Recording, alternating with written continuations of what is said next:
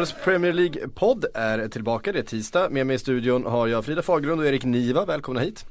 Eh, jag tänkte vi skulle börja med att bara skicka en tanke till Sir Alex eh, Ferguson som eh, fortfarande eh, ligger på sjukhus efter att ha opererats eh, akut för hjärnblödning i lördags. på något sätt så det är klart att det kommer som en chock. Det är liksom en, en, en människa man på något sätt har en relation till. Men det är också en sån här figur som i alla fall för mig har känts som en odödlig. Det är lite grann mm. som en, en förälder eller en en farfar eller en morfar, men han är ändå 76 år gammal. Grejen är att vid den åldern så, så händer saker med kroppen som, som blir rätt svåra att, att ta sig igenom. Eh, men man har ju ändå sett honom på något sätt som ett odödligt väsen. Eh, så det var lite, det var inte traumatiskt sådär men, men det var verkligen lite chockartat när man, eh, det är också en person som man aldrig har sett en svaghet mm. kring nästan. Så att det var noterbart på det, av den anledningen också. Ja, jag tror att många delar den upplevelsen just att han hade en så här granithård aura av oförstörbarhet från eh, Gavan med sig. Uh, och jag visste faktiskt, jag hade aldrig tänkt på att han faktiskt var 76 förrän du sa det. Han har ju mm. bara varit, han har varit lite äldre i mm. 30 år och man har liksom aldrig gjort någon reflektion över hur gammal han egentligen har varit. Men jag delar precis den uppfattningen som du redogjorde för att det kom ovanligt oväntat för en äldre herre med tanke på att han alltid har framstått som skuren ur granit. Eh, det hade ju varit en helt annan sak om Sam Allardyce hade fått lite problem med hjärt och kärl. För även om han också är en svårtuggad jäkel så kan man eh, väl misstänka att det finns lite cirkulationsproblem där. ja, det, det, kan man misstänka.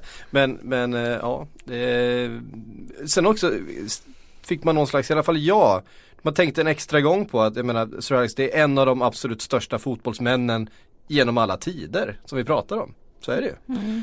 Ja, det var länge sedan man såg världen eh, gå samman på det här sättet. Över att en fotbollsprofil blir inlagd på sjukhus. Det känns som att det var väldigt många som blev eh, berörda av det.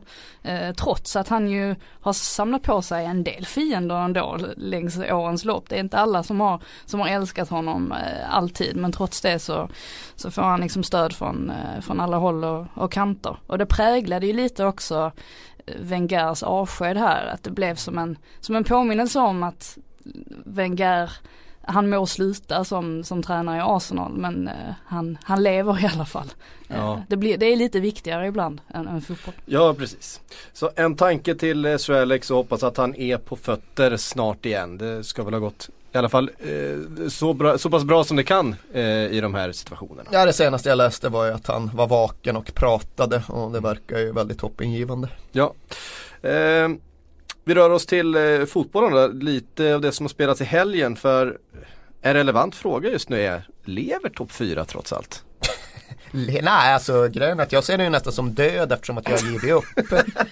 det är ju ja, Det kommer aldrig gå. Det kommer aldrig gå överhuvudtaget.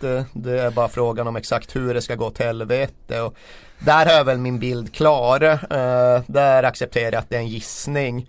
Men eh, det jag tror händer är ju att Tottenham slår Newcastle här på onsdag och då kommer alla inbilla sig att det är lugnt och faran är över och sen kommer Tottenham förlora mot Leicester hemma i sista omgången på Wembley. Jamie Vardy kommer springa runt och Tottenham kommer därigenom missa topp 4 och just det sistnämnda att Spurs missar topp 4 det är ett faktum, det är konstaterat och klart men exakt hur det går till det får vi väl återkomma till. Jag tror just att det blir en förlust mot Leicester hemma i sista omgången som faller oss den här gången och då är förlängningen i stort sett fäller hela klubben. Men det finns inte mycket som Spurs kan skylla på i så fall. För att Nej, de har ju slarvat bort det här på, ja, ja. helt på, på egen hand. Eh, på samma sätt så är jag ju helt övertygad om att eh, Liverpool kryssar mot eh, eh Brighton eh, till helgen och att vi missar eh, topp 4 Ja men ni har ju ingen sådan historik. Det finns ju liksom ingenting eh, som indikerar det bakåt i tiden. Liksom ge mig de senaste 12-13 Spurs-åren. Lasagne-skiten 2006. Sen hade vi ju den där säsongen när utgångsläget var väldigt, väldigt snarlikt. Vi hade, vad hade vi, 10, 12, 13 poäng på Arsenal halvvägs in i mars. Och eh, det enda som kunde innebära att de klättrade förbi var att de vann precis alla sina matcher medan Spurs gick halvdant och exakt det hände ju. Spurs gick inte totalt katastrofalt men de gick småknackigt. Arsenal vann alla matcher och passerade i slutet. Och det kommer väl vara parallellfallet till vad som händer nu med Chelsea. Eh, sen kan vi ju lägga till den där säsongen för två år sedan när det kanske inte spelade någon konkret roll i praktiken huruvida Spurs eller Arsenal slutade tvåa och trea. Men där det sannerligen hade betydelse för många av oss. Och Tottenham lyckades misslyckas med att vinna någon av de fyra sista matcherna. Eh, vann inte mot Southampton hemma näst sista omgången. Åkte upp till Newcastle i sista, behövde ett kryss, förlora med 5-1. Watch us go! det vi kan konstatera då är att grattis Chelsea till eh, ja. Champions League-spel nästa säsong. Tänk, tänk att de redde ut den då. Det är bara att lyfta på, på tupén för Antonio Conte och den prestationen. Men eh, ja, jag, jag orkar inte ge mig in på analysen om vad detta kommer kosta för Tottenham. men det kommer vara extremt kännbart. Ja, eh, vi, eh, det ska spelas matcher under veckan och sen så avslutar vi hela säsongen till helgen. Eh, och då får vi då svart på vitt allt det här som vi eh, precis har spekulerat kring när det gäller topp 4. Eh, men vad som redan Inga är klart. Inga spekulationer. Det mesta är fastslagna fakta. Sen kan det finnas variationer och nyanser i exakt hur de besannas. Eh, precis, men det vi kan konstatera redan nu är att vi får tacka Stoke för den här gången. Eh, och det känns eh, också lite tudelat för att visst har man hatat Stoke i perioder och hela den här Can he do it uh, in Stoke on a cold Tuesday night och så vidare. Kommer man inte kunna använda nu för att det kan ju alla i Championship. Alla kan ju åka till Stoke en jävla tisdag uh, och bete sig. Ja, de är ju mer Stoke än Stoke i den divisionen. Ja, precis. Så det blir helt irrelevant att, att lyfta den där. Så att, vem, vem, vilken parallell ska vi dra nu liksom när Stoke inte finns kvar. Ja, åka till West Bromwich och försöka försvara sig mot fasta eftersom att West Bromwich kommer finnas kvar på något jävla egendomligt och bakvänt sätt. Nej, det tror jag för inte att de kommer, men Nej. de är väl det närmaste. Jag tror väl att det finns en eh, ganska stor sannolikhet att Tony Pulis eh, inkastar sitt Middlesbrough tillbaka upp i Premier League och då är det väl det vi får börja med. Åka upp till Teesside och möta Tony Pulis på en tisdagkväll. Det kommer inte heller bli så jävla kul i så fall. Mm. Och Stoke som nu har hängt kvar Ja, det är väldigt länge de har eh, som lyckats klamra sig fast i, i Premier League. Och, och, ja, tio år. Och så här, länge var de ju liksom som en, den här humlan som flög fast de inte kunde på något sätt under Pulis. Och det var Delaps inkast och det var grisfotboll till höger och vänster och, och stenhårt och verkligen de här eh, kalla nätterna eller kalla kvällarna i, i Stoke. Vad, eh, vad, lämnar, vad, vad lämnar de för avtryck egentligen? 嘿。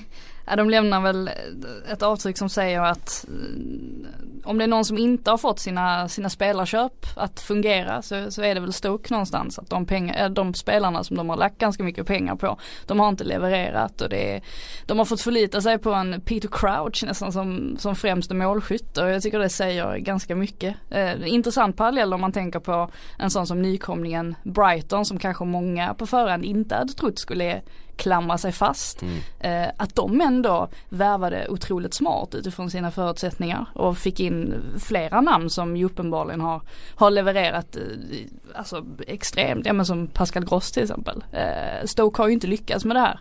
Eh, och det är väl också troligtvis därför de, de åker ut. Vi ser också det här hur svårt det är att ta det som då var Europas längsta lag, mm. vilket de ju var, och göra det till ett eh, Stoke Alona som Mark Hughes ändå hade som ambition. Det är inte helt enkelt. Nej, och jag tror att det är väl det som är den... Eh, Siktade man för högt? Man eh, försökte sig på just en för svår manöver för precis som du är inne på så var de ju så extremt tydliga och fast förankrade i och framgångsrika med sin gamla Stoke-identitet. Och att därifrån just ge sig på och bryta upp den, att eftersöka och eftersträva något mer sofistikerat och mer avancerat. Att det, precis som Frida är inne på i förlängningen också innebär att man värvar på ett helt annat sätt.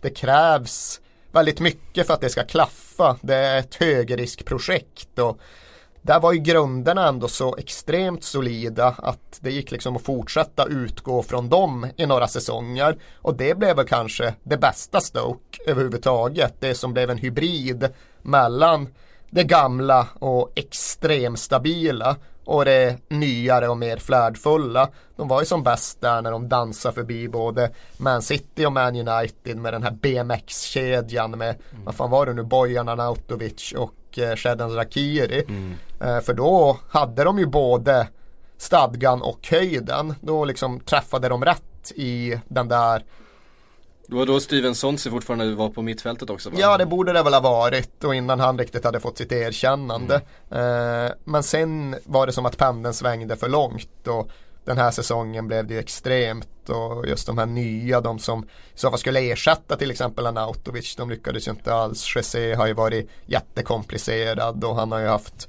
privata skäl att vara ganska frånvarande men Affelai har ju också bara blivit destruktiv och det var ju såklart signifikativt att Jack Butland så öppet, tydligt och demonstrativt gick ut och sågade flera av de nya värvningarna jäms med fotknölarna och liksom konstaterade att de överhuvudtaget inte hade bidragit alls.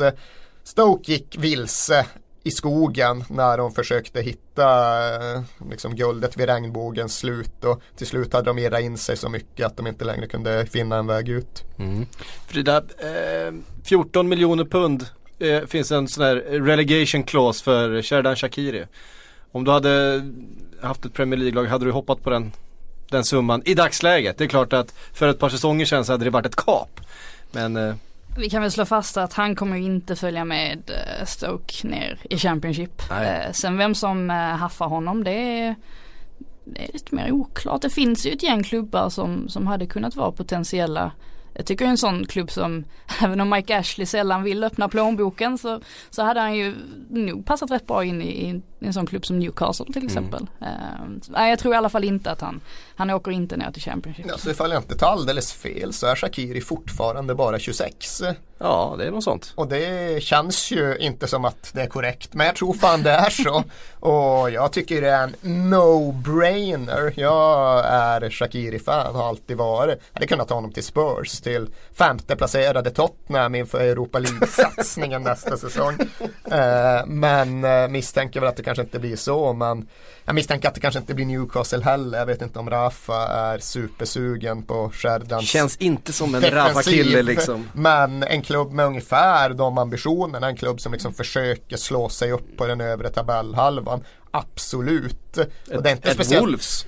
Ja, vi får se vad Ska ni fortfarande ta Ruben Neves eller har det ryktet ja, klingat av? Vi får se, det är så mycket nu och sen så var det ju eh, Nabil Fekir. Nabil Fekir häromdagen som var klar sades det. Han var klar var under två inte. timmar på Stamford. Han var klar under andra halvlek på Stamford Bridge ungefär. Ja, man gillar Klopps reaktion där. Så, va, blev han klar under matchen?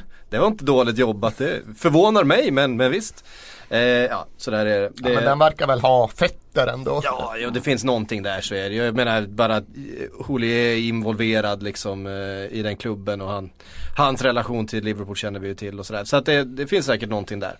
Eh, Helt plötsligt vill alla till Liverpool. Det är, det är rätt intressant ändå om man tänker på för bara ett år sedan så var liksom allt snack handlade om att Coutinho ville till Barcelona och det var mm. inte så konstigt för Barcelona, en så mycket större klubb. Och helt plötsligt har Liverpool liksom seglat upp och blivit en oerhört attraktiv klubb att mm. vilja gå till. Det är det som till exempel Pochettino brukar tjata om när han ställs inför faktumet att Tottenham inte har gått så hårt för att bryta igenom och vinna någon av de inhemska kupperna. But that wouldn't change the life of the club är ju frasen som han brukar återkomma till. Däremot framgång i Premier League, alltså framgång i termer av att faktiskt vinna mm. titeln. Eller framgång i Champions League till exempel. Att nå en final med Liverpool, that would change the life of the club. Och det är väl precis det som har hänt nu med Liverpool. Att även om de inte vinner och så länge ni inte på något oerhört egendomligt sätt lyckas snubbla bort Champions League-platsen så då kommer ni shoppa från en annan hylla den här sommaren än ni har kunnat göra tidigare. Så är det nog. Um, och uh, ja men tillbaks till Shakiri, jag såg en, såg en sån intressant, en, en kul tweet. Det var någon så här, om, man, om, man, om, man, om man vänder på hans karriär så har han ju egentligen den ultimata karriären. Han spelar upp Stoke till att bli ett mittenlag i Premier League. Eh, lämnar därifrån, går till eh, Inter där han gör eh, liksom tar nästa steg, blir, blir världsartisten. Ja det skulle väl in det där också att han gjorde liksom turneringens mål under EM ja, och att det, det ledde till. Precis, ja. målet under EM, vidare till Inter, tar nästa steg till Bayern München för att sen runda av karriären hemma i, i, eh, i Basel. Ehm, ja, Ja men återigen nu är det ju som att man pratar om just den 32-årige Shakiri som ja, summerar. Alltså han har ju han har, han har ju ett halvt fotbollsliv kvar. Minst. Och med sin robusta fysik så tycker jag att han inte borde behöva vara slut vid 30. Mm. Men ja, han tycker jag är liksom en spelare att slåss om. Annars tycker jag ju uppriktigt sagt inte det finns särskilt många sådana i Stoke ifall vi ska vara Silly-podden ett tag och fundera på vad som ska plundras därifrån. Butland, alltså jag tycker han har varit sådär den här säsongen. Jag tycker inte att han verkligen har tagit kliv upp och gjort ett starkt anspråk på vad Englands självklara ett inte. Men alright, det är klart att det går att ha Jack Butland i mål utan att åka ur Premier League. Så han lär väl hitta sig en klubb. Uh, därutöver. Vill du inte alltså. ha en crouch till, till Spurs bakom Harry Kane? ja, alltså hellre än Llorente. Visst. Han hade gjort fler mål. Ja, och han hade fått fler röda kort på Bernabeu också. Det var ju det enda Llorente gjorde riktigt bra under den här säsongen. Han var riktigt bra på Bernabeu nere i Champions League-gruppspelet. Sen gjorde han ett mål borta mot Swansea som hade betydelse. I övrigt har han inte bidragit ett jävla skit. Men annars finns det ju faktiskt en. Jag vet inte vad skulle man hitta i Stoke. Det är klart att... Det finns, det finns en spelare som jag tror håller ett lite extra öga på matchen som är ikväll. Den blir en liten segway. Jag tror Joe Allen som funderar, som kommer titta Swansea, på, ja. titta på matchen mellan eh, Swansea och Southampton ikväll. För att det är ju sexpoängarnas sexpoängare. Det är ju vinnaren där säkrar ju i stort sett ett, ett Premier League-kontrakt. Ehm. Det är en jättematch på, på väldigt många sätt och det är otroligt kul att man ändå får de här matcherna trots mm. att det är ganska avgjort. Där ja, det som kändes så jävla avslaget för ett par omgångar sedan så, så lever det ju ändå hela vägen in i båda, båda ändarna. Eh, på något sätt, ja inte titeln förstås. Men eh, Nej men det här är ju säsongens största match i Premier League. Ja. Det, är, det, är, i alla fall säsongens viktigaste match. Största kan man ju väga in en rad olika saker i. Men det är säsongens viktigaste Premier League-match. Och det är ju i praktiken som playoff-finalen brukar vara fast negativ och det gör den ju ännu mycket roligare. Playoff-finalen kan man ju ändå porträttera som att ja, här är det bara möjligheter. Aha, precis. Vinnaren får två miljarder men det kostar inte förlora någonting. Här är det ju precis det omvända. Här är det bara ångest. Ja, det älskar man ju givetvis. det är bra att det inte bara är Tottenham som behöver bära ångest den här sista veckan. Uh, så den matchen är ju så oerhört, oerhört betydelsefull. Och ja, man ska egentligen inte sitta och spekulera för man kommer ju få det i nacken innan den här podden knappt ens har hunnit ut. Men mm. misstanken här och nu är ju att Swansea är sämre. Både vad gäller form och ja. individuell kvalitet. Och då är frågan då i vilken utsträckning hemmaplan och hotellmanipulerande kan kompensera för det. Men skulle jag tvingas gissa så skulle jag nog gissa på Southampton. Och då, De alltså... kom ju med lite, med lite vind i ryggen här ja. in i den här matchen medan Swansea faktiskt eh, såg nästan, nästan säkra ut för några, säsong, eller några omgångar sedan. Eller det, ingen kände sig säker men de kom i alla fall, eh, det var inte något av lagen som vi pratade om att nej, de rasade nog igenom för de såg så fina ut då. Eh, har haft resultaten emot sig några omgångar här så att Sen har ju Southampton börjat göra ett mål, bara en sån sak. Eh, och det har man ju inte gjort på några säsonger. Så att jag tror det blir kämpigt för, för Swansea ikväll också. Men... men alltså tittar man på tabell och, och spelschema och sådär. Då känns det nästan som att West Brom kommer klara sig. Ja men om man börjar, börjar titta, om man ju tänker att. Måste de inte hämta en jävla massa mål på någon av de här klubbarna också? Ja men på, South, på Southampton men eh, om vi tänker att Southampton Swansea spelar, spelar lika ikväll. Ja det är väl det som krävs just Precis. för att West Brom överhuvudtaget ska vara kvar. Mm. Ja och sen så vinner West Brom i sista där mot uh, Crystal Palace. Southampton har ändå Manchester City i mm. sista omgången. Är det, är det tidernas värsta utbrytning i sådana fall? I så alltså, fall, ja, ut, ja, ja. Utbrytartrick? Alltså utan om, konkurrens i England, det saknar I årets, årets tränare till Darren Moore. Ja, Ja, han är snudd på alltså. Jävla gymföreståndare. Alltså. ja, men det, de får väl lov att hänga kvar för att det där jävla sena Jake Livermore målet som inte var Jake Livermores för att det ska ha något värde för att det inte bara ska vara helt poänglöst. Som inte var andra. Jake Livermores, för det, det gör för ont. Nej det är ju för sig, jag har inget, inga problem med Jake Livermore. Han, det var inte så att han lämnade Spurs på ett osnyggt sätt. Så han kan få sitt mål och han kan få sin VM-truppplats vilket är rätt obegripligt att han överhuvudtaget kan vara med i diskussionen kring. Ja. Men så som det såg ut ett tag att de gjorde det där målet och sen skulle de ändå åkt ur två timmar senare när Southampton vann på Goodison. Det kändes så jävla poänglöst. Nu kvitterade ju Tom Davis eller om vi ger det som ett självmål och ja, så som West Brom nu har hållit på att krångla då kan de väl lika gärna klara sig kvar för att allt det där ska vara värt någonting. Känns nästan ihåligt annars. Tydligen är det ju så att West Brom hade legat på övre halvan av Premier League ifall man bara räknar bort Pardew-perioden. Ja. Och ja, deras trupp är ju Ja, den är väl 11 i Premier League någonstans om man bara ser till individuell kvalitet. Mm. Tom Davis mål för övrigt, det måste ju ha varit det mest ångestladdande målet man har skådat på bra mycket länge. Det var, ja, jag, jag, jag jag mådde nästan psykiskt dåligt för, eh, för Southamptons skull. det Alltså, var i så 96 otroligt tungt. minuten av en 94 minuters match va? Ja, Ja. precis. Och så ett helt harmlöst jävla skott som de ändå får för sig att styra in i eget mål. Hade de bara släppt den så var det inga problem. Det var ju bara liksom en, en halv bakåtpass ifall man ska överdriva lite grann. Och på sätt och vis så var det ju ett regelvidrigt mål också med tanke på att de skulle ju ha, de fick frispark mot sig där när de kom i, i en omställningsförsök. Och jag kommer inte ihåg vem det var Eller var det? Bertrand slog någon dum pass vill jag minnas. Ja Eller- men precis, och de skulle egentligen ha frispark och sen så vänder Everton och sen så blir det som det blir. Nej fruktansvärt tungt måste det ha varit. Ja det är hårt. Men visst är det så att det måste bli kryss ikväll för att West Brom ska ha en chans? Mm. Ehm, Så är det. Får vi en vinnare ikväll då är, då är West Brom out Ja, så måste det ju vara. eh, ändå. Och ja, eh, för Southamptons del så borde ett kryss räcka rätt så långt känns det som. Southampton är ju också så att de har ju i grund och botten infrastrukturen på plats. Visst nu har de ju gjort en massa fel det senaste året och de har ju tvingats eh, hantera en verklighet där ja, alla deras bra spelare åker till Liverpool och ska vinna Champions League. Men de är ändå en jämförelsevis väldigt sund och välskött klubb med en hel del eh, tillgångar i spelartruppen. Så ifall inte de går vilse Och, och ganska alldeles- mycket pengar på kontot Ja, så, så, är, så är det ju så att de kan ju faktiskt fortsätta bygga på det här om de bara kan Ifall hänga inte, kvar. de, nej, ifall inte de får så här desperationspanik och gör allt fel under sommaren så borde de kunna studsa tillbaks utan större problem även om de åker ur. Det är mycket mer bekymmersamt för West Brom och framförallt Swansea ifall de åker. Om Swansea åker så då tvivlar jag på att vi får se dem i Premier League på rätt lång tid. West Brom och Stoke de är båda sådär som att ja, det står och väger. Gör de saker och ting rätt så då kommer de vara thereabouts nästa säsong. Då kommer de liksom vara Aston Villa runt en kvalplats eller sådär. Men de kan lika gärna sjunka ner mot en tabell mitt i Championship. Men sa 15 tycker jag att även om de åker ur så borde de studsa tillbaks direkt. Mm. Det eh, ger ju oss eh, nästa punkt på, på agendan här därför att eh, om Swansea hänger kvar så kommer vi få se ett eh, Wales-derby igen nästa säsong i, i Premier League.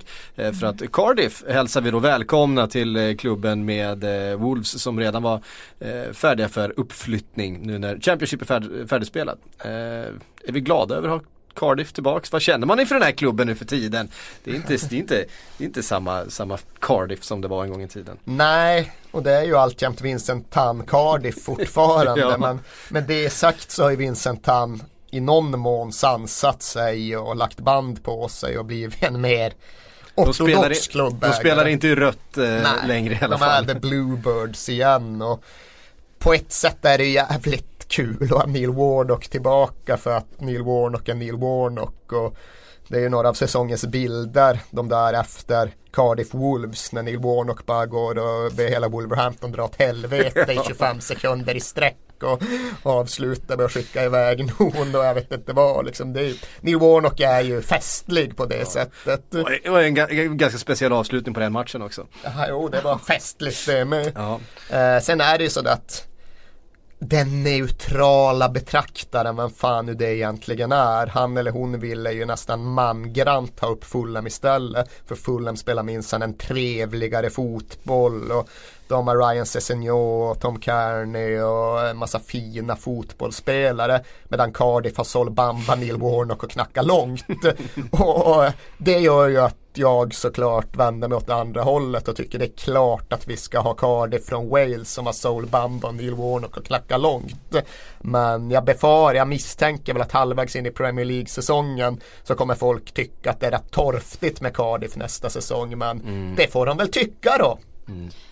Eh, plus att Craven Cottage är ju jäkligt trevlig att besöka alltså. Och se, se Premier League fotboll där det är ju, det är ju en dröm nästan jävla Hugh Grant-arena. Så välpolerat och inbjudande och svärmorsdrömmigt. Nej, jag vet inte fan. Och jävla. Ja, exakt. jävla roddare som drar förbi nere på Themsen. jag kan tycka att det är för mycket av den där familje, familjeklichén. Men absolut, det är ju objektivt sett det är ju precis som du beskriver. Det är trevligt och, och jävligt. Visst är det fortfarande så att man går in på gräset en liten bit för att komma till mm. eh, huvudläktaren? Man måste in på planen nästan. Så. Det är så mysigt. Vi, vi, har, inga, vi har inga sådana supportrar så vi kan släppa in folk på planen inför matchen. En staty av Michael Jackson utanför bara för att liksom. Ja, men så går man förbi Stanford Bridge också liksom på vägen dit och så blir man påmind om att den, den här genuina gemytliga fotbollen fortfarande finns kvar lite grann i London. Jag tycker det är fint. Mm. Ja det är trivsamt det är det. Men ja, det är fan Det är det är inga arbetslösa gruvarbetare i de kvarteren som det bevisligen är i Cardiff. Så nej, vad fan, jag känner mer och mer ju längre jag pratar om det här att det var helt i sin ordning att Cardiff fick upp direkt. Men vi har i alla fall ett playoff då med eh, Fulham, Villa, Borough och Derby. Det är inga jätte, det är, det är inga namn som får det att liksom sådär kittla extra mycket. Derby är klart, eh, det är kul, vi har inte sett dem eh, på ett bra tag i eh, Premier League. De övriga kan vi ju från de senaste säsongerna. Framförallt när Preston och Millwall var liksom bara ett par poäng ifrån att ta sig till det där playoffet som hade gjort det så mycket mer intressant. Men nu du ville vi... verkligen ha upp Millwall alltså? Ja men jag vill ha dem i ett playoff i alla fall. Det, det hade blivit, det hade blivit underhållning. Ja, jag minns ju när de var senast i ett Premier League playoff och det var ju precis i början av 2000-talet, 2001 kanske. Mötte Birmingham City och åkte på något kontroversiellt sätt. Jag vet inte om det var något jävla domslut eller så. Det var ju undantagstillstånd i södra London i timmarna 72 därefter. Och det, det kan man skrocka åt och det kan man väl unna sig att göra också vid ja. något enstaka tillfälle. Det hade ju varit en annan fotbollsupplevelse. Annars är ju oavsett vilket playoff eh, något av min favoritetapp av en säsong. Det sågs lite nymodigt och eh, traditionsfientligt när det kom. Och när fan kan det egentligen ha varit? Det skarven mellan 80 och 90-tal någon gång. Så jag kan fortfarande känna att det är lite nymodigt. men det har satt sig tillräckligt för att jag ska uppskatta det. Det är jävligt roliga matcher. Nej, det är gott älskar, att säga något om. älskar de matcherna. De är det är ju också så här att hela, det är som hela, hela fotbolls-England vet att det Alltså domarna tillåter lite mer. Spelarna vet om att domaren tillåter lite mer. Och det är liksom, eh, alltså hel, allt det där liksom med tempot och med, med tacklingarna och med känslorna och eh, Det är verkligen de, det är de, det är de tjockaste pannbenen som brukar ha en tendens att vara de mest vinnande i, i de här matcherna. Och det, sånt gillar jag. Liksom den sista 10 minuters perioden av och det, blir alltid det andra galet. semifinalmötet. Det blir alltid galet. Ja men det är just det där. Då vet man att ja, antingen gör det forcerande jagande laget mål här eller så är säsongen slut. Finns ingenting att förlora, finns ingen Nej. morgondag. Det är bara att kasta upp varenda jävla målvakt på topp och försöka nå Wembley. Och det är klart att det är ju Ja, det är ju fantastiskt. Det är ju alltid, det är ofta så att det är vardagskvällar, det är ju alltid vardagskvällar. Det är elljusen, det är speciellt på så sätt alltid fullsatta arenor, jävla tryck Nej, det är, det är några av säsongens bästa matcher det också. Man hade velat ha då liksom fulla Millwall mot varandra i ett playoff. Det är liksom Londons ytterligheter som, som möts då. Eh. Oh, ja, jag tror inte den här gemytliga Undrar undra om Millwall-sporten hade fått gå in på planen på vägen in. jag tror inte det hade varit den här vackra miljön utanför eh, Craven Cottage. Jag tror inte den hade, den hade inte existerat så himla länge om, om Millwall. det är här man kan sakna det tyska, den tyska modellen där det är negativt kval för tredje sist bästa laget i Bundesliga som alltid är Hamburg. Någon enstaka gång är det Wolfsburg men i stort sett alltid är det Hamburg. Uh, men just det negativa kvalet den här säsongen det hade ju teoretiskt sett. Men som vi har i, i, Allsvenskan. Eh. Ja det har vi också ett lite mer närliggande exempel ja. Men för några veckor sedan såg det ju på allvar ut som att det i så fall hade kunnat bli West Ham mot Millwall. de matcherna hade haft något. ja det hade varit. Jag kommer ihåg när de möttes i, ja, svart, ligacup eller något sånt där för kanske 8-9 år sedan. Eh, och det var liksom kravaller och de fick liksom spärra av hela stadsdelar och det var, det, det var brinnande bilar och så vidare. Ja, folk blev knivhuggna och det var ju inte så jävla roligt när allt kom i kring. Men Nej. de kunde ju knappt spela klart matchen. Det var ju massa pitch invasions under förlängningen och grejer. Jag jag, jag... det var ju så, ja, det blev ju uppmärksammat långt utanför de vanliga eh, engelska fotbollssammanhangen. Jag minns något inslag när SVT Sport alltså ja, Sportnytt måste det ha varit, skulle följa upp detta och hade skickat en reporter ut till Karlberg för att prata med Kenny Pavey. Vet du vem den reportern var? Var det du? Det var jag. Är det sant alltså? Fan vad det var allting eh, expanderade. Det var precis där jag skulle komma till den intervjun. Det var så? Ja, för det var ju så visst. jävla roligt att Kenny Pavey liksom, det var ju så att han, uh, well sometimes you need to stand up for your reputation. exakt, exakt så sa you got, you got a reputation right? And you know sometimes you gotta live up to a reputation. Jag bara stod där som ett jävla mixtativ, vad fan säger han liksom? ja det var inte så att Kenne problematiserade det som Inte direkt. ja, helt sinnessjuk. Det var, det var jag och eh, Johan Kücükaslan. Fan vilken jävla en, en duo. En alltså. duo ute på. Ja, den på... trion när man adderar Kenny Pavey till mixen, den är ju fulländad ja, det var, det var... Va, hur, hur la du och Kücükaslan upp arbetet mellan er? Vem gjorde vad egentligen? Eh, jag var vi var, så jag minns inte, jag var rätt ny, jag var praktikant där då så att grejen var att jag hakade på Johan tror jag som hade varit praktikant typ två veckor innan och precis börjat jobba på SVT. Så att vi, vi, vi, vi då, så här, tillsammans så blev vi en riktig reporter. så, så. Han var 70% och du var 30% Ja lite så. Ja, ja, ja. Ehm, men eh, ja, så Fan var vad bisarrt att det var du som gjorde det. Nej, det ja. minns jag ju mycket väl för att det var så jävla skruvat. Mm. Eh, så att, ja, där har vi playoffen i alla fall och vi får se. Det är väl inte lottat än vilka lag som möter? Jo, det är, är det det? Det är Aston Villa mot Middlesbrough Fan, alltså. och följaktligen Derby Fulham. Det är inte eh. Lotta, så det är väl liksom, det är väl trean, Ja det, det, det, det är så det funkar ja. jag, jag googlade på det i 30 sekunder innan och hittade det inte så jag tänkte att ja, Chichi Aslan hade löst det. Han hade definitivt löst det. Um, och han hade gjort det med lite obekväm stämning. uh, vilka vill vi ha upp då? Vilka vill du ha upp Frida? Du vill ha upp fulla? Ja det vill jag men uh, sen kommer jag på nu att det är ju en svensk också i Derby. Stackars Marcus Olsson. Vi måste byta Olsson mot Olsson. Ja men precis, vi måste ju ha kvar en, en Olsson. Vi, eller vi kan, inte, vi kan inte få färre svenskar i, i Premier League. Det jag tycker det börjar bli lite, det är inte så många att ta av nu. Men nej, nej jag, jag får nog ändå säga Fulham tror jag. Fan alltså fulla med antitesen till Trelleborg och Vångavallen. Du måste Nej men det är väl käns känslomässigt band där. på något sätt. Det har varit där mycket. Craven Cottage. Det är en trevlig Trevlig arena. Trevlig, ja, ja jag köper att trevlig är ordet men trevlig är negativt laddat när det kommer till, till fotboll. Uh, jag har två ord för er alla. Tony Pulis. Ja, Boro. Ja, klart man vill. Ja, det är ju liksom, eh, det var ju det Stoke det var ju Stokes största misstag, det var ju att sparka Tony Pulis. Det var West Bromwich största misstag ja. också ifall Chris... man vill vara sån. Ja, så vill man ju säga att det var Crystal Palace största misstag men det får man ändå säga att eh, Roy ändå har gjort det ganska bra sedan han kom dit. Ja, nej, där är det väl kanske Frank de Boer som man ska prata om istället. Men jag vet fortfarande inte om det ekonomiska är löst med Tony Pulis och Crystal Palace. De håller på att stämma varandra på så här ja. 100 miljoner fram och tillbaks. Men... Ja.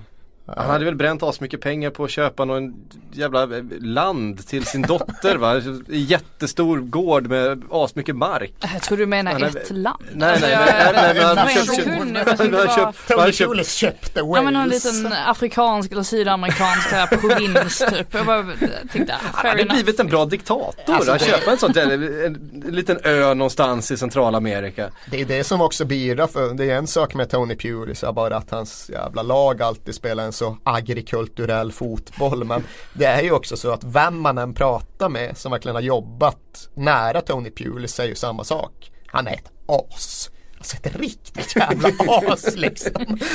det, det, är ju unisont liksom, alla tycker det. Han har ju en riktigt bra kompis i, i Premier League och det är ju Mourinho. de, är, de, är ju, de är ju nära vänner tydligen. Ja, nej, det, det kanske hänger ihop på något sätt. Men just det där att han kommer bara undan eftersom att han trots allt eh, konsekvent når så goda resultat med sin primitiva modell och just, ja, han blir ju så klyschig att det inte går att uppskatta klyschan. Inte går att inte uppskatta klyschan. Uh, så nej, jag får be Tom Huddleston om förlåtelse men jag vill fan ha upp Middlesbrough bara för Pulis-faktorn. Mm. Eh, du har ju inte din Pulis-caps på dig idag Frida, annars så eh, brukar ju du vara eh, Premier League-podden. Quality sleep is essential for boosting energy, recovery and well-being. So, take your sleep to the next level with Sleep Number. With a Sleep Number smart bed, you can individualize your comfort level and enjoy a better sleep night after night. JD Power ranks Sleep Number number 1 in customer satisfaction with mattresses purchased in-store. And now the Queen Sleep Number C4 smart bed is only $1,599, a saving of $300 only for a limited time. For JD Power 2023 award information, visit jdpower.com/awards. Only at Sleep Number stores or sleepnumber.com. Tony Pulis. Ja, det, det, det, brukar bli så ganska ofta. Mm. Men inte idag. Upp, upp, eh, däremot så var du på plats på Emirates i helgen. Jag tänkte att du skulle få läm lämna en snabb redogörelse för Arsene Wengers sista framträdande på, på den arenan. Det är omöjligt. Det går knappt att och att beskriva med ord. Det var ju, det var ju käns känslorna flödade från, eh, ja, redan innan avspark, långt efter slutsignal. Det, och det var lite som att alla hade förlikat sig med att det här skulle vara Arsene Wengers eftermiddag. Eh, alltså både supportrarna, eh, det var ju en liten hörna med Burnley eh, supportrar men i övrigt så, så hade ju alla på sig de här Eh, Merciv eh, Wenger-tröjorna som, alltså de måste ju ha tryckt upp alltså typ 60 000 sådana eller någonting med tanke på att, mm. alltså jag såg sådana vart jag än tittade. Um, och sen så till och med så att man ibland kände att, att de fick vissa domslut med sig. Alltså Arsenal, alltså det var på den nivån att Mariner, alltså det krävdes ganska mycket för att Burnley skulle få vissa domslut med sig. Och, och... Så, så, är det ju helt, alltså det är klart att en domare påverkas också utav, utav allting runt omkring. Ja, men någonstans i sin ordning. Det mest överraskande var ju att Sean Dyche och Burnley också verkade ha köpt in sig Precis. på hela grejen. För de trodde man ju skulle just bara tugga i sig alla tendenser till party. Ja men exakt, det var det jag skulle säga också att e- efter matchen så, så ja men det var ju ganska lång ceremoni där med Wenger och Mertesacker blev också avtackad och, och så vidare. Men svensk som man är så höll man ju koll liksom. En halvtimme efter matchslut då ska man befinna sig nere i presskonferensrummet mm. liksom. Så jag klev ju ner där och då satt det kanske tre personer av eh, liksom 60 eh, redan och så kom Sean Dyche in och han skrattade ju liksom. vi var ju fyra pers där som liksom var intresserade av att höra vad han sa. Och han, han, han satt ju där och, och sa liksom rätt ut att men den här matchen spelar ingen som helst roll. Den här, det här är en match för sig, det, det, jag, jag kommer liksom inte analysera den vidare. Den här matchen definierar inte överhuvudtaget vår fantastiska säsong och, och, och spelarnas insats och så vidare och så vidare. Så, ja men precis, där märktes det ju att han också hade förlikat sig med tanken att det här var Wengers eftermiddag och det skulle vara så. Liksom. Och så får det ju någonstans vara. Eh, kan man tycka. Ja, jag det är ju, eh, alltså jag, jag gnällde ju rätt mycket på när, när spelet avstannades förra säsongen när John Terry skulle avtackas. Vilka var det de mötte? Eh, och på minuten de spelade ut bollen 26. och så skulle de, ja precis, på, på, i 26 minuten spelade de ut bollen för att han skulle liksom bytas ut. Alltså när det, när det blir så pass uppenbart liksom under när, när matchen också blir ett spektakel. Eh, Hörde jag Zlatan och PSG? Ja precis, det är ju samma sak där. Sen har jag ju mindre respekt för PSG i, i de här sammanhangen än vad jag hade för Chelsea innan. Så ändå, ja, på något sätt. Men, eh, men eh, det är klart att det här var Wengers eftermiddag. Och det är ju Ja nej men det är givetvis så och det Han sa ju före matcherna gjorde de här intervjuerna som han alltid gör strax före avspark att ja, uh, what's important is to focus on the result and the performance. Nej, det var faktiskt inte det som var viktigt. Det var helt jävla likgiltigt eftersom att det kvittade hur det skulle gå för båda klubbarna tabellmässigt. Utan det enda som betydde någonting var ju precis vilken typ av känsloladdning eftermiddagen skulle proppas full med. Och det blev väl rätt på alla sätt och vis. Jag kan ju som du annars är inne på känna någonstans att engelsk fotboll, fotboll generellt håller väl på att kanske tappa kompassen lite grann i alla dessa avtackanden. Eh, det är inte lätt att hitta rätt nivå och ibland blir det för lite och ibland blir det för mycket. Och kanske blev för mycket med John Terry, det blev absolut för mycket med Zlatan i PSG. Det, kan tycka att det blev för mycket av Steven Gerrards avsked eftersom att det pågick en hel jävla vår. Varje gång han åkte på en bortamatch var Steven Gerrards sista match på en ja. arena och så Upton vidare. Park var också, var också bedrövlig den, hela den våren. Nej, nu, är det sista, nu är det sista gången någon eh, knyter skorna på den där grästuvan på Upton Park. nu är det sista gången någon Det var en snygg sista kväll där mot Man United. De vinner med 3-2 och de kör runt en massa gamla uvar i bilar. Den, jag vet inte, de träffade rätt på den men. Men var det då de, de, de kastade flaskor på uh, Ja, på Jesse Lingard. de träffade men, nej, men jag, det är en arena, det blir, ja, även i förlängningen visade det sig att det var ju praktiken hela jävla klubben de tog avsked till där och då. Så då tyckte jag väl att det kunde få vara svulstigt. Men jag vet inte riktigt vart jag vill med det här. Det är ju inte helt lätt och det är ju viktigt att eh, respektera och hylla och värdesätta traditioner och gamla hjältar. Men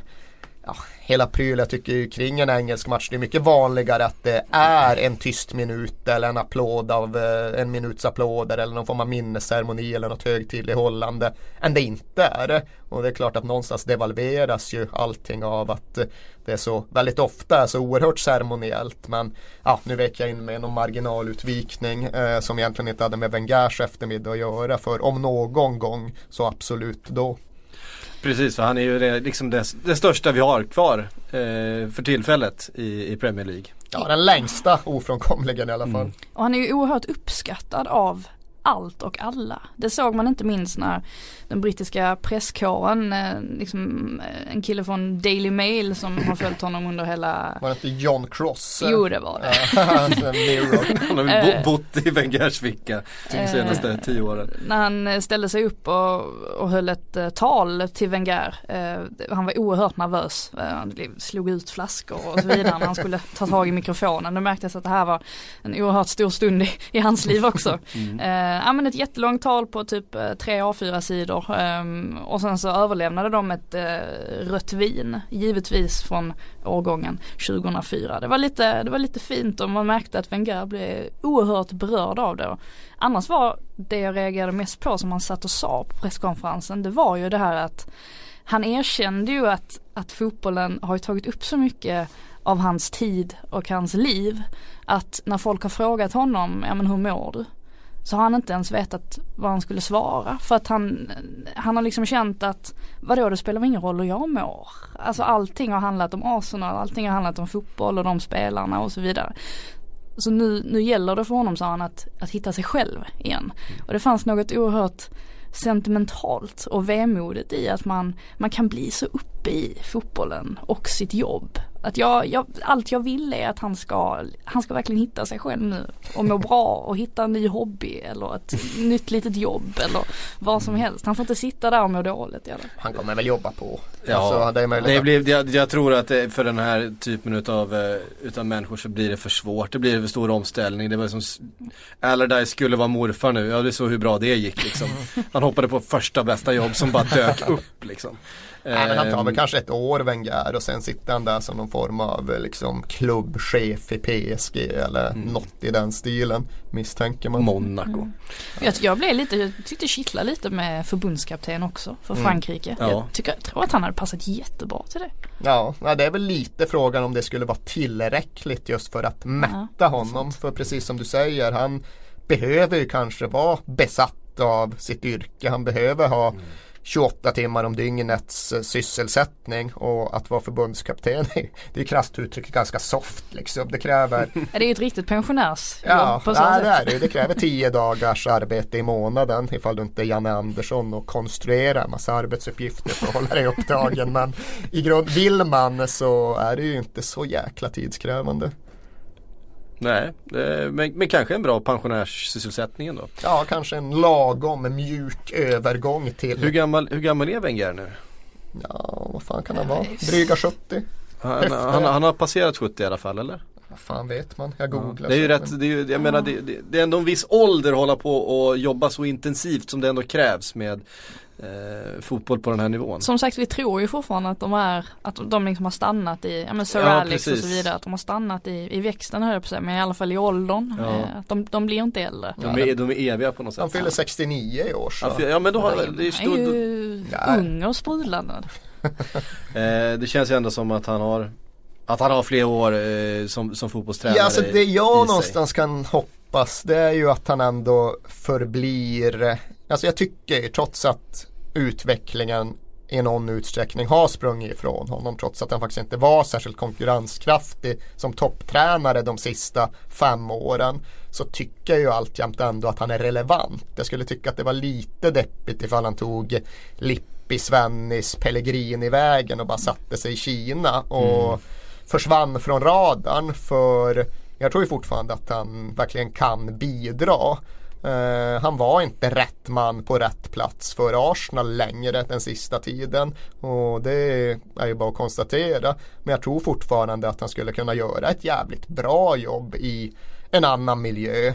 Utifrån lite andra premisser och förutsättningar. Han skulle kunna få någon typ av nytändning. Och Ja, de behöver byta liga Ja, till att börja med. För men att- det var kvar i Premier League, kommer han, han kommer aldrig kunna möta Nej. Arsenal, det tror jag verkligen Nej. inte. Eh, Men eh, Frankrike ligger ju såklart väldigt nära till hans Mm. och tro. Men som sagt, inte Kina, inte Gulfstaterna, försvinn inte från fotbollskartan. Jag tror han har mer att bidra med verkligen.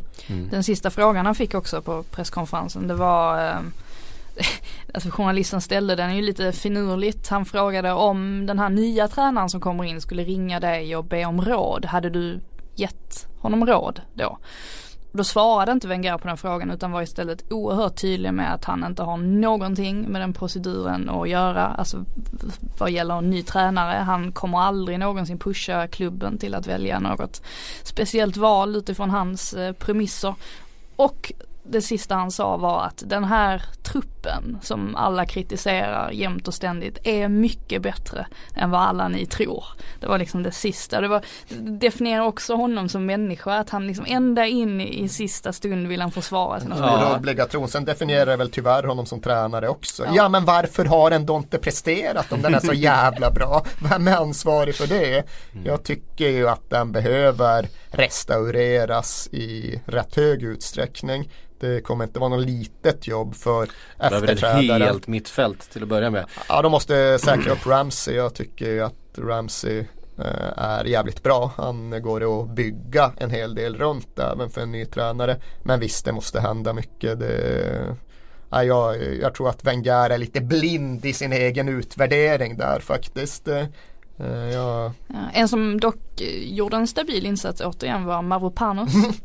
eh, också en sån där värvning som ingen, där ingen fattade någonting men eh, ah, det kanske är någonting ändå. Tidigt eh, att säga plus att man jämför ju med det, det där finns bakom. Men, eh, ja, men ändå positiva, positiva vibbar. det, ju, det skulle på något sätt kännas lite bra ifall han, en av de absolut sista Wenger-värvningarna, slog rätt. Och en För sån typisk Wenger-värvning. Ja, det var ju de man fick som hittar en ung grekisk back Ja, liksom. men de slog ju så ofta rätt under hans framgångstid under de första tio åren. Ja, men då måste man ju alltid säga, ja men tänk han hittade Kolo Touré och Mm. gjorde honom till en annan spelare och jävlar vad han blev bra. Sen mot slutet så var det bara liksom blev ju aldrig bra. Liksom var det den där polska mittfälten, jag har glömt vad han heter, Bielik, någon, vart fan blev han av liksom? precis. Det var ju någonting förra året han hade hittat någon anfallare i Eupen i Belgien. Jag vet inte ens om han någonsin blev värvad eller gick på lån eller vad det som hände med den människan liksom. Men alla de där liksom under radarn-värvningarna som han hela tiden fortsatte med. De slutade ge effekt. Mm. Så på så sätt, ja men det... han, han, han, han misslyckades ju även med de liksom rakt in i startelvan-värvningarna. Ja. Alltså från El Neni till eh, Granit Xhaka och eh, Mustafi och så Lucas vidare. Lucas Perez var väl också något klassiskt. Tillhör han fortfarande Arsenal eller är han Deportivo-spelare nu igen eller? Ska han tillbaks? Ja men jag, jag Nej jag tror inte han ska jag tror inte Deportivo, Han lämnade ju över sitt nummer liksom. Ja, men jag tror inte Deportivo, de hade inte råd att lösa honom från början och nu när de åkte ur så kan jag absolut inte se honom vara där. Men det är ju alltid spännande just med försäsongen när alla lånespelare kommer tillbaka. Vad fan är den där jäveln kvar liksom? Ni kan ju stå där så ska Aquilani in och ha en tröja på försäsongen. Han kan ju mycket väl tillhöra ja, ja, ja. fortfarande. Ja, liksom Chelsea, det är 200 man på försäsongens ja. första dag. Alla de där som satellitklubbspelarna ska tillbaka det, det, ja, det... Vitesse har helt tomt på sin försäsong. Inte spelare där. Ja, det är... Rio Miachi dyker upp och ska vara på Arsenals träning liksom. Det blir, väldigt, det blir ju väldigt förstås väldigt, väldigt spännande att följa Arsenal vad som händer nu. Eh, det senaste är väl, alltså det som börjar kännas och det som det pratas mest om är att det är Allegri som ska in. Mm. Eh, mycket tyder på det. Eh, från vad vi har läst de här senaste 24 timmarna i alla fall. För så, så, så fungerar det nu för tiden. Ja, eh, jag tycker inte jag att vi har inte, kommit helt... till den punkten heller där vi kan säga att ja, men det blir noga lägre. Jag tycker fortfarande det finns nog några medierapporteringssvängningar kvar ja, i hela den där också. processen. Men visst, Allegri framstår som första favorit och Ancelotti är väl kanske kvar som andra favorit. Sen finns ju de här Zeiko Bovac spåren som väl skulle vara det närmaste en Wenger-utnämning man skulle kunna mm. komma 22 år senare. Men ja, jag håller väl med om att Allegri ser ut som frontrunner nu men ja, det känns ju inte 100% klockren. Är Enrique helt avskriven eller? Nej, det är han väl inte. Men just återigen utifrån medietolkningar så är det som har sagts att trots den här nya katalanska chefsförhandlarens nära band så har Enriques löneanspråk mer eller mindre diskvalificerat honom. Det är ju så det har rapporterats. Jag har ingen aning om det verkligen är så men just eh, om man liksom följer följer det som sägs så framstår ju hans namn som mer eller mindre avpoliterat. Men det var ju också så här, för det känns ju lite konstigt för man undrar ju då Det är ju ingen av de andra, ja det är ju PSG då kanske då som av de klubbarna som kan betala en sån lön som är ute efter en tränare just nu. Ja men om du eh, Luis Enrique i så fall resonerar, vem ja, tror eh, du att du är? Ja men li, lite så. Vilket jobb tror du att du ska kunna få då om, om eh, nu Arsenal finns tillgängligt. Eh, de kommer givetvis betala en väldigt hög lön i vilket fall som helst. Eh, du menar, de klubbarna finns ju inte riktigt. Det är ju det som City, Manchester United och PSG. Ja men det är om han vill gå Kina-vägen, det kanske han vill, vad vet jag. Ja. Bra Ironman i Kina, det är ju sånt som rike värderar och prioriterar. Sen kan det ju finnas en till Londonklubb som möjligen behöver en tränare. Eh, och det är väl där Allegri har ryktats främst egentligen till, på Chelsea-spåret. Mm. Eh. Sen är det ju Sarri, Sarri som, ja, som, som, har dykt upp och det, ja, det är ju också ett jättespännande namn förstås och det kan ju gå åt vilket jävla håll som helst känns det som. Ja, nu är det Sillypodden. Ja. Uh, men ja, det vore, det vore intressant. Ja. Det vore en jävla kontrast mot Conte i alla fall. Det... Både och liksom. Alltså visst italienare men jag menar det, du, du, ser, du ser inte Sarri hänga liksom i taket och sparka med benen och sprattla runt på sidlinjen. Eh, du ser honom kedjeröka och det, det, finns, det finns något maniskt i de båda som man ju gillar. Mm. Ja, Eh, vi har fått en del frågor som vanligt. Eh, vi har fått en från Westberg Goner, vi kan väl ta den då, om Allegri. Eh, om man väljer att tro att han är nästa eh, tränare för Arsenal, vad, vad, gör honom till en god respektive inte god kandidat? Alltså hans roll som tränare, tidigare gärningar.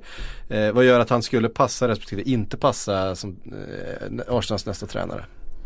Eh, alltså jag hade ju hellre sett att man hade satsat, gjort precis som när man tog in Wenger. Alltså satsa på ett lite mer, eh, lite mer anonymt namn men någon som kanske är ett lite mer långsiktigt val. Någon som kan bygga eh, en grund och kommer stanna där i många år framöver. Jag tror det är det Arsenal behöver. Eh, de behöver ingen tränare som, som är där några, några säsonger bara och sen, och sen försvinner och så tar man in en ny. Eh, I det här fallet så är det så mycket som behöver göras om i klubben. Att jag tycker att det hade varit bättre med en ja men möjligen då en, en Julian Nagelsmann eller någon som eh, Att inte prata om Jardim överhuvudtaget tycker jag är lite märkligt. Ja, det var väl Nej det var inte han som skulle till Dortmund, det var Favre eller Ja, nej det, det kan man ju tycka. Eh, sen som sagt vad det pratas om medialt och vad det faktiskt pratas om i beslutsfattarrum. Det behöver ju inte vara identiskt. Eh, Men åter till frågan här. Det, det, eh, det som man kan känna, Allegri har gjort det väldigt, väldigt bra i Juventus. Men där kom han ju till ett dukat bord på ett helt annat sätt än man skulle göra i Ja, Arsenal. både och alltså. Det var ju ingen liten kravbild han stod inför. För det Conte hade gjort med Juventus det var ju att han hade tagit dem tillbaka till det scudetto-vinnande Juventus. Men han hade inte gjort någonting med dem i Europa. De åkte ur i gruppspelet mot Galatasaray Contes sista säsong ifall jag inte missminner mig alldeles. Och det Allegri lyckades med det var ju jag ska inte säga att det var med liksom bundna händer men det var inte heller med en Arsenal-stor transferkassa så lyckades han ta Juventus från ja, ingenting i Europa till Champions League-finaler gång efter annan. Så, så jäkla dukat tyckte jag. Alltså, du, bordet var väl Bordet var väl halvdukat men han Kanske dit mer än vad man kan tycka att det är Arsenal just nu. Jo, men samtidigt är manöverutrymmet större i Arsenal. Arsenal med sina Premier League-miljarder eh, ja, de har ju ett starkare transferläge. Juventus fick ju trolla med knäna och överträffa sig själva med fria transfers gång på gång. Och det var inte bara Allegris, det finns rätt många övriga i klubbledningen som såg till att det blev bra. Men på ett sätt kan jag ju känna att det är dukat på ett tacksamt sätt i Arsenal. Det är ju svårt, ja det är faktiskt svårt att med den klubbens förutsättningar och storlek komma sämre än som totalt avhängigt sexa i Premier League. Och det är inte så att någon kommer kräva titelvinst nästa år.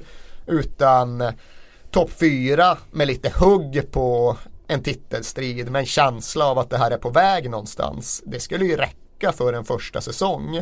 Så jag tycker nog att läget är ganska gynnsamt. Sen ifall det just är Allegri som är optimalt lämpad för att eller inte. Det är jag väl inte helt säker på. Jag tycker att hans jobb i Juventus är svårt att överskatta. Jag tycker det var jävligt men jag tycker inte just det var den där. Det där hade vem som helst kunnat lyckas med jobbet. Och jag tycker också att det säger någonting om honom och hans lämplighet. Att han bosatte sig i London under sin sabbatsperiod för att verkligen försöka lära sig engelska. Jag tror till exempel att det blir svårt med Sarri som påstås inte behärska engelska. Jag vet att du påstår att han jobbade på bank i London under en längre period och borde ha plockat upp någonting. Men ja, jag, tror, jag tror inte på det här med att komma till ett nytt land och inte behärska språket. Eh, komma som Gary Neville. Pochettino? Ja, jo, det finns undantag men det är undantag och han lärde sig tillräckligt snabbt för att det ändå skulle fungera. Han pratar ganska bra nu tycker jag. Eller, alltså bra bra men, men, men för, för att inte ha pratat någonting, vägrat göra intervjuer på engelska och så vidare. Han är ju effektiv, samtidigt det blir ibland så en nyansproblem. Det var ju bara här om sistens kring hela den här jävla evighetssåpan om huruvida Harry Kane borde skämmas eller inte för att han claimade ett mål borta mot Stoke. Så då uttryckte Pochettino som att han hade varit citat very sad. Och jag tror väl inte att tonträffen i det ordvalet var exakt. Jag tror inte att det Pochettino ville förmedla att Det Harry Kane hade gått runt och varit liksom Det var inte det Harry Kane hade önskat att han hade Det sagt i det Harry läget. Kane hade önskat. nej. Så det finns ju fortfarande vissa problem med Pochettinos engelska. Men det är inte på den nivån att han inte kan göra sig förstådd på en träningsplan. Och det är där det blir problematiskt. Eh, Och det är där Allegri inte behöver hamna. Så jag tror nog att han vore han vore nog ett bra val för Arsenal men han vore inte det perfekta valet, så känner jag väl. Eh, en helt annan fråga då. Nu, nu är det, svänger vi i, i tonträffen här. Eh, Jonas Sällström undrar, vem är största svärmorsdrömmen i Premier League? Harry Kane. Alltså spelare då eller? Ja, ja du får välja precis vad du vill. Oj. Christian Eriksson. Ja, är det så? Han är så jävla... Det är så Han jävla blyg. Riktigt, ja men vadå? Det, Nej men jag har det, jag har det. Juan Mata. Ja, han är Ah, bra. okej. Han är väldigt bra. Jag skulle ju vilja, jag kan släppa Harry Kane, jag skulle lyfta fram vår andra Harry, Harry Winks är liksom svår att ifrågasätta men folk kanske inte har någon relation till Harry Nej, Winks. Inte mycket. Nej men han är väldigt klippt. Förut var det Scott Parker som låg väldigt Ja. högt på listan men Verkligen. Juan Mata tycker jag är good call. Eh, Han är så jävla, han är så jävla helylle. han har ju för övrigt svenska svärföräldrar så ifall vi bara hade orkat vara lite obekväma hade vi kunnat ringa upp dem och få en berättelse om hur det egentligen ligger till så det kan du väl åta dig till nästa vecka Patrik? han, han har en, en svensk eh, fru. Ja, eller en svensk tjej. Jag En vet svensk inte om de är tjej, gifta. Özil också. Jajamän, en göteborgska med Turkiska rötter. turkiskt påbrå. De hade väl tre bröllop va? Var det inte så det var sagt i, i vintras? Ett, ett, ett i London, ett i Istanbul och ett i Göteborg. Vad fan vet vi om det är Göteborg egentligen? Eller Gö- var det Göteborg? Ja, det var, ja, det Men har, var, har det redan varit? Det skulle ha har varit- i, i, i januari. Ah, okej. Eh, enligt ryktena då. Eh, men det smög. Lyckades de hålla under, under radarn helt och hållet. Här borde vi egentligen göra någon följetong om Premier League-profiler med svenska svärföräldrar. Vi kan skita i partner med svärföräldern. Alan Pardew är gift med en svenska. Eh, vi har ju någon mer också men nu undflyr det mig i hastigheten. Jag får, bara, inte- jag får bara upp Figo i huvudet. Jo, jo, har han också är liksom. en tjej från Sollefteå. Men det är inte. Det är något med hon Elin Nordeng, Tiger Woods eh, fru är väl knuten till eh, Figo-familjen på Mm. något sätt ifall, ja, det, det må vara. Är det inte så att eh, bröderna Olssons syrra också är ihop med, med, den, här- med den här stora tyska Dirk, Nowitzki. Dirk Nowitzki, Ja, ja. tyska basketstjärnan. En av NBA's alla sorts. Det är också lite udda. Men ja, ja, det är vad det är. Men, men Juan Mata, jag, jag, jag, Ja, nej, jag ger dig, jag det- ger dig ja, men faktiskt. Det är, Sen ser ju Kevin De Bruyne väldigt snäll ut. Alltså han ser ju liksom inte men han Men det- å andra sidan ser ut att vara tio år Ja, gammal. Så att också, det är ju, ska inte en svärmorsdröm just Ja, vara välkammad? ja. Ja, Kevin De. Bruyne är ju lite rufsig och det kan jag tycka hade, inte- hade inte han en affär med Courtois eh, flickvän också? Ja, alltså det var- ett, nej, det var det var tvärtom. exakt. var det tvärtom? Jaha, okej. Ja, så Courtois får vi Det- diskvalificera. Ja, sen- right. Men det är annars också caset mot Christian Eriksen. Han är också lite för rufsig skulle jag säga. Han har tydligen gjort hårtransplantation och det, Oj. det är ett argument mot. Alla gör det nu för tiden. Ja, Christian Eriksen har ju helt smugit under radarn. Ja. Men det var någon kompis som själv Det var var lite svårare för typ en Wayne Rooney som gick under radarn. Jo, det här, gick från inget hår till full kalufs. Ja men det gäller, väl att, det gäller väl att agera i tid antar jag innan det har blivit för uppenbart att det har skett en förändring. Men Conte har väl också jobbat transplantation så vitt jag förstår. Eh, Oh ja, det- det är också eh, många, många ingrepp så här, tror jag. Det är, borta i Liverpool och alla skaffar sådana här eh, eh, porslinsfasader eh, på tänderna istället. Ja, är det så ni jobbar? Ja, det, det, hela, hela, ja men det är Firmino, Coutinho hade det, Klopp. Ja, just det. Klopp hade ju riktigt så bruna eh, vinna tänder innan och nu är det liksom spikraka bländande vita rader. Men Firminos måste ju vara någon typ av världsrekord liksom. Ja, det, de är vita. Jävlar! eh, någon trademark mark ska man ha. Ja, jag vill fan ha temaavsnitt nästa gång. Du har ju uppgift att ringa massa svenska svärföräldrar, att klargöra hela transplantationsbeståndet och för den delen även tandsituationen i Premier League. Min far är ju tandläkare så Ja, jag kan ju liksom så reda ut det där med, med tandblekningen. Eh, Nej det är inte en tandblekning, jag tror att de har helt enkelt stoppat in porslins eh, kronor på tänderna. Alltså, Mm. eh, Ja. Dä- Däremot om vi ska återgå till svärmorsdrömsspåret så motsatsen till svärmorsdröm det måste ju ändå vara Arnautovic. Tar inte han den eh, ja, Jag kan inte komma på någon annan som ser så eh, ah, ja, John DeShelby också. Han är kanske inte är riktigt så här att man ja men de, Jag hade väl de, en John själv i, i familjehushållet. Det hade ja. Hade Alltså, livat upp. Men jag gillar också hans, hans inställning till familj. När han, han, hans, han, hans far har ju en väldigt speciell relation. Han brukar bara skryta om hur mycket bärs hans farsa Ja. klarar av att sänka liksom. Precis, nej men det är liksom, han, hans farsa har ju aldrig sagt att han har varit bra på fotboll. Det är liksom, de har inte den relationen att, eh, att han får beröm av sin farsa. Utan hans farsa ringer upp och så säger han vad han har gjort dåligt. Eh, oavsett hur det har gått i matchen sådär. Och sen så, Eh, när han skulle berätta då om sin pappa, berätta någonting om för sig. Han, han kan dricka 12 pints och ingen märker något. Det är ju liksom, det är The Office. He's thrown a kettle over a pub. What have you ever done? ja, ja, man vill ju, man vill ju träffa eh, Shelby Senior, det är, det är ju bara så. Ja, det hade jag betalat stora pengar för. Nu är så liksom after dinner speaker. Det är fan den första jag hade köpt biljett till om han dök upp på, på marknaden. Ja. Eh, Martin Tengvik undrar, hur kommer det gå för Burnley i Europa? För nu är det klart att de spelar Europa Ja. League.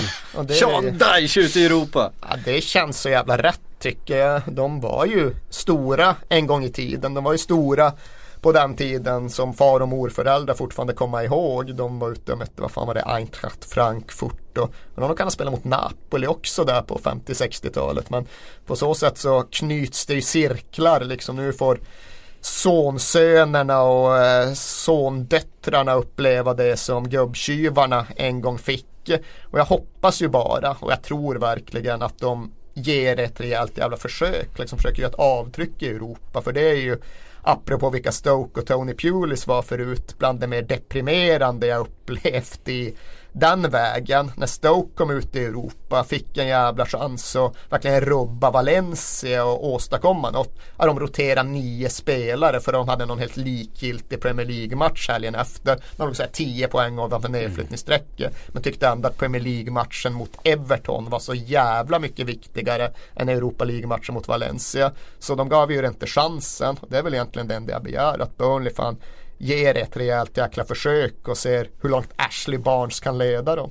Ja men jag håller med. Det, jag tyckte liksom Evertons insats nu i Europa League att det var Ja men det var nästan lite, lite skamligt på Mm. något sätt för att de var så brutalt usla. Eh, det var liksom inget, inga som helst tecken på att, att de ens skulle ha någon chans att gå vidare och då, då är det som waste, alltså på, på en Europaplats. Så jag hoppas i alla fall, så länge de gör det bättre än Everton gjorde i år så är det, så är det lugnt liksom. Ja, det finns ju också förutsättningar, liksom ett, ett, lag från den mellersta delen av Premier League. Den borde ju kunna göra avtryck i Europa. Det blir ju liksom fel om man ändå målar upp och liksom den här liksom totala underdoggen utan pengar och resurser i ett sånt sammanhang. Liksom om Burnley möter Apoel Nicosia så är det ju fan inte Burnley som har den minsta budgeten. Burnley kommer ju ha mest pengar i sin Europa League-grupp. Precis som Leicester var den överlägset största klubben i sin Champions League-grupp häromsistens. Så de borde ju inte behöva vara så här liksom undfallande och liksom eh, uppgivna kring vad de skulle kunna göra i Europa. Vi pratade om Fulham tidigare och det gemytliga Craven Cottage. Vad fan, de var i Europa League-final för inte alls speciellt många år sedan. Jag var på den matchen i Hamburg och de slog ju ut Juventus på gemytliga Craven Cottage. Med liksom. gemytliga Roy vid, vid Ja exakt, jävlar vad gemytligt det var då. Eh, jag har glömt bort vad de hade för gemytliga spelare, men gemytliga var de. Ja, ändå. jo, För- men det- det ja, var- i och för vi- sig vi- Paul Konchesky var där. Konchesky var där för att han tog han med sig till Liverpool och det var Jävlar vad mörkt det var. Men det var ju så Clint Dempsey var ju där. Han blev gemytlig bara för att han var i full. Han var ju annars Det är väl liksom också ett en, as. Alltså han var ju en man av trailer parks liksom. Ja. Han, bokstavligt talat. Men på något sätt blev han gemytlig i fullen. Men återigen. ja, Det, det, it rubs off. Ja, ja, men det går ju att ha ambitioner som Premier League-klubb i Europa League. Det spelar egentligen ingen roll vilka du är. Så jag hoppas och förutsätter att Burnley ger det ett rejält jävla försök. Hörrni, nu säger jag det igen. Det var allt vi hann den här veckan. Eh, Fan vad stressad du blev nu. Du sitter och tittar ut genom fönstret och ser jagad ut. Nej, men det, det är. Robert, Robert, Robert Laul står utanför fönstret här och, och gestikulerar vilt. Då blir man ju lite, då blir man lite stressad. Jag hör det. Eh, tack för att ni har lyssnat. Tack Erik, tack Frida för att ni var här. Eh, vi hörs med säsongens sista avsnitt om en vecka och då är det Premier PLP Awards som vi gör varje år. Eh, jag tycker det är läge för er som lyssnar att skicka in era kategorier. Vad ska vi utnämna? Vilka priser ska vi dela ut till spelare, tränare och allting runt omkring den engelska fotbollen. Eh, hör av er till oss på mail. Ni kan mejla mig, patrik.psykataftonbladet.se. Ni kan höra av er på Twitter eller Facebook eller vad ni vill med era kategorier eh, som ni vill att vi ska ta upp nästa vecka. Så gör det. På återhörande då. Hej!